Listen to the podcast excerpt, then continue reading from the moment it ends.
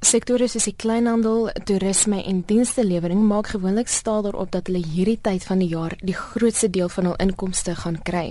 En volgens die uitvoerende hoof van Saki, Neren Rao, is dit juis hierdie sektore wat nou swaar gebuk gaan onder kragonderbrekings. It's been a tough year for business broadly, a tough year for the retail sector in the sense that households have been financially stressed. Furthermore, some businesses have been impacted by the strikes of earlier this year, and they would look to this time of year to recover lost operational capacity. So the timing of the load shedding is not ideal for business. Hy sê dit is moeiliker vir die kleiner ondernemings om aan te pas en te beplan rondom kragonderbrekings. It's not always affordable to a small enterprise. Furthermore, if a small enterprise did have the means to put in place generator capacity, then it would need certainty of information in order that it can be assured that and meet requirements during the load shedding period.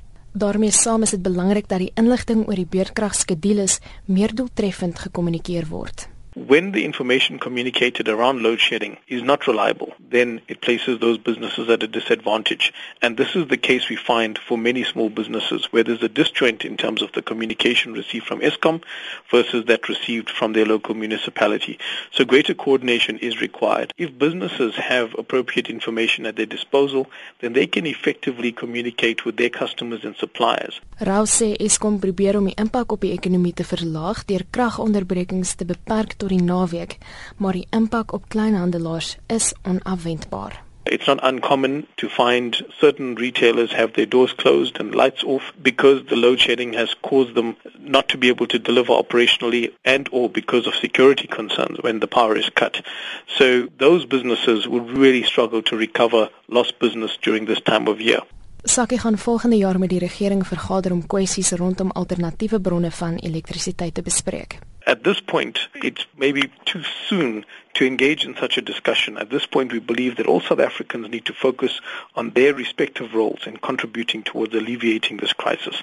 Once we pass this crisis, we do need to apply our minds, broadly speaking, to the policy decisions we have made and the policy decisions we need to make to ensure that we don't expose ourselves to the vulnerabilities we're currently experiencing in the future.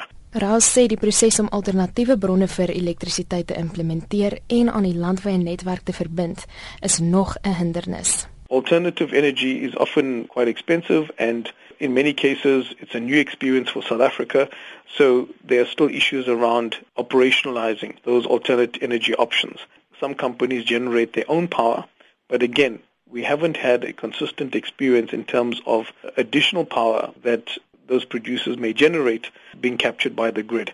Op internasionale vlak het ondernemings dit tot dusver reg gekry om by te hou met produksie, iets wat nie veel langer gehandhaaf kan word nie. From a reputational perspective, this is not ideal for South Africa. We need to be looking at gearing up and competing effectively to build our place in the global marketplace. Our competitors are doing an extraordinary job we are grappling with delivery issues on a broad front. So this is not the ideal time again from a global competitiveness perspective or from a market opportunity perspective to be grappling with these issues. Dit was die uitvoerende hoof van Saki, Neren Rao. Ek is Marlene Forsie in Johannesburg.